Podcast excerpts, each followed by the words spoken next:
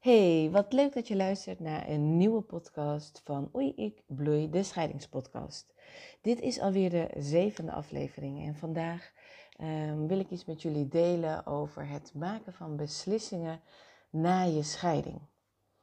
Want als je op een gegeven moment uit elkaar gaat en er moeten een heleboel dingen geregeld worden, er komt een ouderschapsplan voor de kinderen, verdeling van de spullen, misschien wel een huis, auto's, nou dat soort dingen. Ehm, en daarna settelt alles een beetje, als het goed is in ieder geval. Dus iedereen kan wennen aan de situatie, wennen aan de regeling die er is voor de kinderen. De kinderen kunnen wennen aan dat ze twee huizen hebben, wissels, spulletjes die misschien soms heen en weer moeten. Nou, daar gaat echt wel even overheen voordat je daar denk ik emotieloos in staat. Het is echt een uh, goede periode om, uh, om alles te verwerken, om het te laten landen, om te voelen, om te kijken, jeetje, wat, wat is er gebeurd en wat heeft dat met mij gedaan? Um, dus ja, dat blijft een hele heftige tijd. Maar goed, op een gegeven moment heb je alles geregeld en loopt alles. Maar zijn er natuurlijk wel keuzes die er weer gemaakt moeten worden voor de kinderen. Um, om het heel makkelijk te houden. Um, welke sport gaat een kind? Uh, bij welke club op zwemles? Of welke voetbalclub wil het kind graag voetballen? Welke keuze maak je daarin als ouder? Um, het kind wil graag later naar bed. Wil misschien op een gegeven moment wel uit met vrienden. Gaat naar een middelbare school. Welke keuzes worden daarin gemaakt? Gaat studeren. Nou dat zijn allemaal dingen waarbij je als ouders natuurlijk in overleg moet blijven. En dat is wat ik heel vaak doe met de, uh, de schipaanpak. Uh, dat is de methode die ik uh, gebruik bij de, coach, bij de coaching van gescheiden ouders, is om te zorgen dat de basis gewoon rustig is, zodat er ook ruimte is om dit te overleggen. Uh, maar ik weet ook dat heel veel uh, gescheiden ouders dit heel erg lastig vinden. het is niet zo dat na een scheiding dat je alles hebt geregeld en dat je nooit meer met elkaar hoeft te communiceren. Je hebt samen kinderen, dus er zal communicatie moeten blijven. En daar kan je je maar beter bij neerleggen.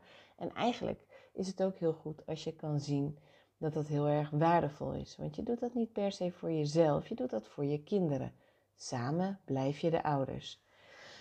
Nou, ik merk dat er nog best wel eens wat um, gedoe is als daar keuzes moeten worden gemaakt. En vooral als je daar als vader en moeder, uh, of moeder en moeder of vader en vader, hè, overal waar ik dat zeg, kan je van alles invullen.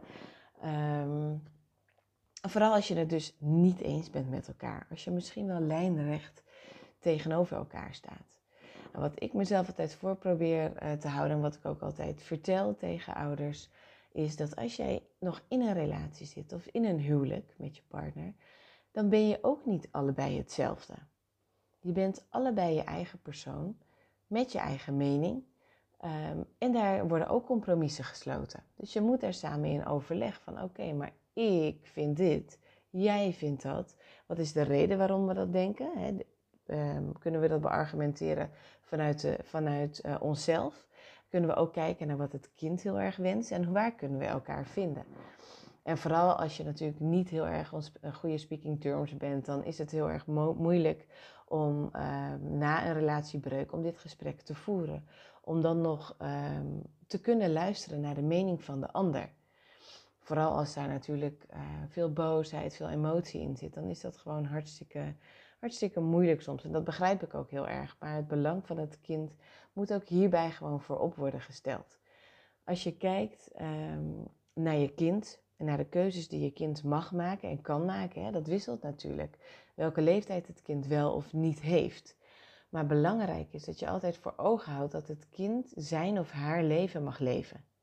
En niet jouw leven, niet het leven van je ex-partner, maar gewoon ook zelf keuzes mag maken. Dus als jij nou heel graag wil dat jouw kind op hockey gaat, want jij hebt altijd op hockey gezeten, misschien zitten broertjes en zusjes op hockey, je komt uit een hockeyfamilie, je vindt voetbal gewoon super stom um, en, en hebt echt een hekel aan dat, aan dat voetbalwereldje, wat natuurlijk um, ja, wel echt een, uh, um, een bepaalde naam heeft of zo. Hè? Het is anders. gaat het daarom? Gaat het erom wat jij wil? Is het belangrijk dat het kind doet wat jij wil? Of is het belangrijk dat het kind leert te doen wat hij zelf wil? Of wat zij zelf wil? Um, ik denk dat dat altijd het, het, het, belangrijkste is. En het hangt natuurlijk heel erg af van de leeftijd van het kind Ehm, of ze daar wel of geen zeggenschap in kunnen hebben. Maar het is zo belangrijk dat het kind zich gezien en gehoord voelt, dat het ook eigen keuzes mag maken. En dat begint voor mij al vanaf heel jong. Ehm, dus met, met wat je op brood mag. En prima als daar een zoet of hartige keuze in zit, waarbij je wel wil sturen. Eh, maar er mag best ruimte zijn voor het kind om zelf keuzes te maken. Want uiteindelijk is het natuurlijk de bedoeling dat het kind later leert om ook die keuzes te maken. Om het leven te leiden wat hij of zij wil. En als jij als vader of moeder misschien een andere keuze zou, zou maken, nou dat mag. Maar jij bent niet je kind. Je kind is een eigen persoon. Nou, wat, wat gebeurt er als je dus lijnrecht tegenover elkaar staat? Ehm, is dat er natuurlijk gedoe kan komen. Misschien komt er zelfs ruzie, want iemand wil per se zijn zin hebben. Ehm, ik moet je heel eerlijk zeggen dat ik daar makkelijk over denk. Uh, wat niet altijd makkelijk is voor de ander. Want ik probeer heel erg dingen vanuit het perspectief van mijn kind te bekijken. Daar waar ik denk dat hij of zij dat kan. Ehm, dus als ik heel erg kijk, eh, bij ons was er bijvoorbeeld dat meningsverschil over de keuze van middelbare school. Nou, ik ben daar vrij gemakkelijk in. Um, alle scholen hier in de buurt um, staan goed aangeschreven. Dus ik kan, kan, heel erg kijken naar de keuze van mijn kind. En dat kan ik dus heel erg uh, zwaar laten wegen. Als er hele goede argumenten zijn waardoor het echt niet kan, zeg maar, nou dan vind ik het wat anders. Uh, maar ik vind het belangrijk dat mijn kind zich thuis voelt op een school waar hij of zij jaren gaat zijn. Um, dus dat, dat is van hoe ik het dan dus aanvlieg. En dat is dan ook waaruit ik vind dat een keuze moet worden gemaakt. En daar, daar kan ik dan dus heel erg voor gaan. Is dat leuk voor de andere kant altijd? Nou, misschien niet. Um, maar, ik, maar ik ben er ook heel erg voorstander van dat als ouders er niet uitkomen, dat ik dan ook zoiets heb van: oké, nou, dan, als jullie er samen niet uitkomen en het gaat om je kind hier, dan moet je de rechter mee laten kijken. Want ik heb het idee en uh, het beeld dat de rechter dus wel heel erg kijkt naar het belang van het kind. Is dat de leukste weg? Nee. Wordt je kind daarbij betrokken? Misschien. Maar als het gaat om het belang van het kind en om waar je het kind een stem kan geven in dingen die jij uh, belangrijk acht voor het kind. En als jullie echt stagneren in keuzes die gemaakt moeten worden, dan is er maar één oplossing. En dat is geen erge oplossing. Ja, ik zou het chiquer vinden als, als die oplossing niet nodig is. Maar als je zo legt rechtlijnig tegenover elkaar staat, ja, dan heb je daar dus soms gewoon geen keuze in. En dan is die mogelijkheid er dus. En daarvoor kan je natuurlijk nog met een mediator gaan praten. Je kan nog uh, naar een, uh, een, centrum voor jeugd en gezin om daar handvatten te zoeken. Maar uiteindelijk, als het dus echt niet lukt, nou ja, dan zal je een rechter daarin uh, ja, mee moeten laten kijken om die keuze, keuze te maken. Maar um, ja, ik denk dat dit vooral stagneert omdat ouders heel vaak voet bij stuk willen houden om wat zij willen. Om wat zij vinden. Om hoe zij vinden dat het hoort. En ik denk dat dat echt een heel, hele verkeerde insteek is. Um, in de keuze bijvoorbeeld van een middelbare school, of in de, in de keuze van een sport, of in de keuze van een vervolgstudie. Ik vind dat een kind um, op een gegeven moment moet kunnen beargumenteren waarom hij of zij dit heel graag wil. En ik denk dat, je, dat een kind daar ook zeker toe in staat is op, op het niveau van, uh, van de leeftijd die het heeft. Um, maar het, het gaat om het kind. Het gaat niet om jou. Het gaat niet om je ex-partner.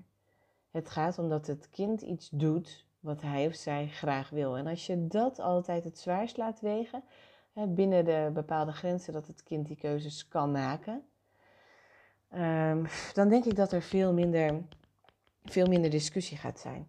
En dan denk ik dat er veel eerder beslissingen uh, gemaakt kunnen worden.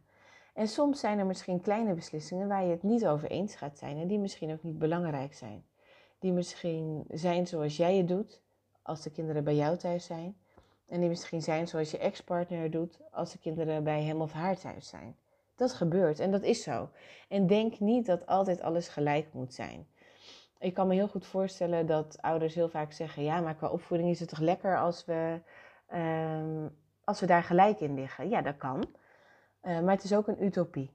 En de reden is om wat ik in het begin zei: je bent twee verschillende personen. In een relatie doe je je best om compromissen te sluiten ga je kijken, oké, ik geef wat, jij neemt wat en vice versa. Maar zodra je uit elkaar bent, worden die verschillen alleen maar meer grootbaar en meer zichtbaar. En dat is niet heel erg. Als ik het op mezelf betrek, denk ik dat ik heel anders ben dan mijn ex-partner en ervaren onze kinderen dat ook heel erg. En zij kunnen dat ook benoemen, maar dat is niet met een oordeel. Het is meer een feit. Dingen zijn hier zoals ze zijn en dingen zijn daar zoals ze zijn. En dat, dat, daar een verschil is, ja, dat is er zeker. Ehm, maar dat is niet erg. Zij zijn eigenlijk zo flexibel dat zij daar wel in mee kunnen gaan. Tenzij het hele grote dingen worden waar zij um, bij de een misschien niet mee kunnen, kunnen leven. Of dat ze denken, nou dit is echt, ik kan mezelf hierin niet zijn. Dan wordt het anders. Uh, maar verder, je hoeft niet overal discussie over te voeren. Als jij je kind om half acht naar bed doet en je ex-partner om acht uur en je vindt daar wat van, en, uh, maar je kind doet het er goed op, laat het. Mijn ex-man heeft een keer gezegd: um, wil jij, kunnen de kinderen alsjeblieft iets later naar bed? Toen waren ze nog wat jonger, ze zijn nu pubers, dus uh, ja, nu, uh, nu is het meer vrij ingedeeld, zeg maar, voor, voor de kinderen. Omdat ze heel goed weten wat ze zelf nodig hebben. Maar hij zei toen, ze zijn zo vroeg wakker en ik wil ze echt heel graag wat later naar bed doen. En als het dan bij jou ook gebeurt, want hier waren ze meer, bij mij waren ze meer, um, ja, dan werkt dat gewoon beter. Nou, toen heb ik gedacht, oké, ik snap dat. Ik ben heel erg een ochtendmens. Ik vind het heel erg uh, prima als de kinderen vroeg wakker zijn. Maar je moet ook gewoon samen daarover nadenken soms. En uh, dat kan. Hè. Ik heb daarin gezegd, nou prima, dan gaan we dat doen. Een half uurtje later en eens kijken wat dat doet. Um, ben je het daar niet mee eens, ja, dan, dan volg je allebei je eigen pad en kijk je hoe dat gaat. Maar ook daarin geldt, kijk naar je kind. Wat is goed voor je kind? Hou jouw stugheid niet altijd vast omdat je je gelijk wil halen. Uh, maar durf ook toe te geven omdat je ziet dat het goed is voor je, kind. Omdat het een eigen mening mag hebben, een eigen leven. Um, die beslissingen zullen blijven komen. Weet je, mijn kinderen zijn op dit moment 12 en 14. Ze zitten allebei op de middelbare school. De keuzes die er straks gaan komen zijn misschien over uitgaan, zijn over een vervolgstudie. Maar zij hebben een stem hierin. Um, het is belangrijk om te kijken naar wat zij willen. En ik vind uitgaan, nou, ik, ik, gelukkig zijn we er nog niet. En uh, gelukkig, het is niet gelukkig dat er corona is, maar op dit moment hoeven we er niet heel erg over na te denken, omdat het toch niet van toepassing is. Uh, maar ik vind dat ook een ding. Ik vind dat super spannend om die nieuwe fase in te gaan. En erken dat ook naar elkaar. Van jeetje, welke keuzes moeten we nu weer maken? Wat spannend. Dat ze ook uit willen gaan. En um, ja, kijk of je elkaar daarin kan vinden. Lukt dat niet, hou het dan zakelijk. Uh, maar ergens kan je ook bedenken dat jullie er allebei dat, die kriebels misschien hebben. Van jeetje, een nieuwe fase. We mogen dit spannend vinden en erover nadenken. En misschien een beetje uitproberen over uh, hoe we dit gaan regelen. Maar de keuzes blijven komen. Hè. We hebben altijd zo'n leeftijd in zicht, 18. Um, van nou, dan, dan, dan mag het kind zelf beslissen, dan kan het kind zelf beslissen en hebben we nog veel minder met elkaar van doen. Maar stel je nou eens voor dat het kind niet zo lekker gaat op zijn negentiende of twintigste. Of nog heel erg twijfelt over wat het wil met zijn of haar leven. Dan nog steeds is het belangrijk om als ouders te overleggen, zodat je je kind gewoon optimaal kan steunen.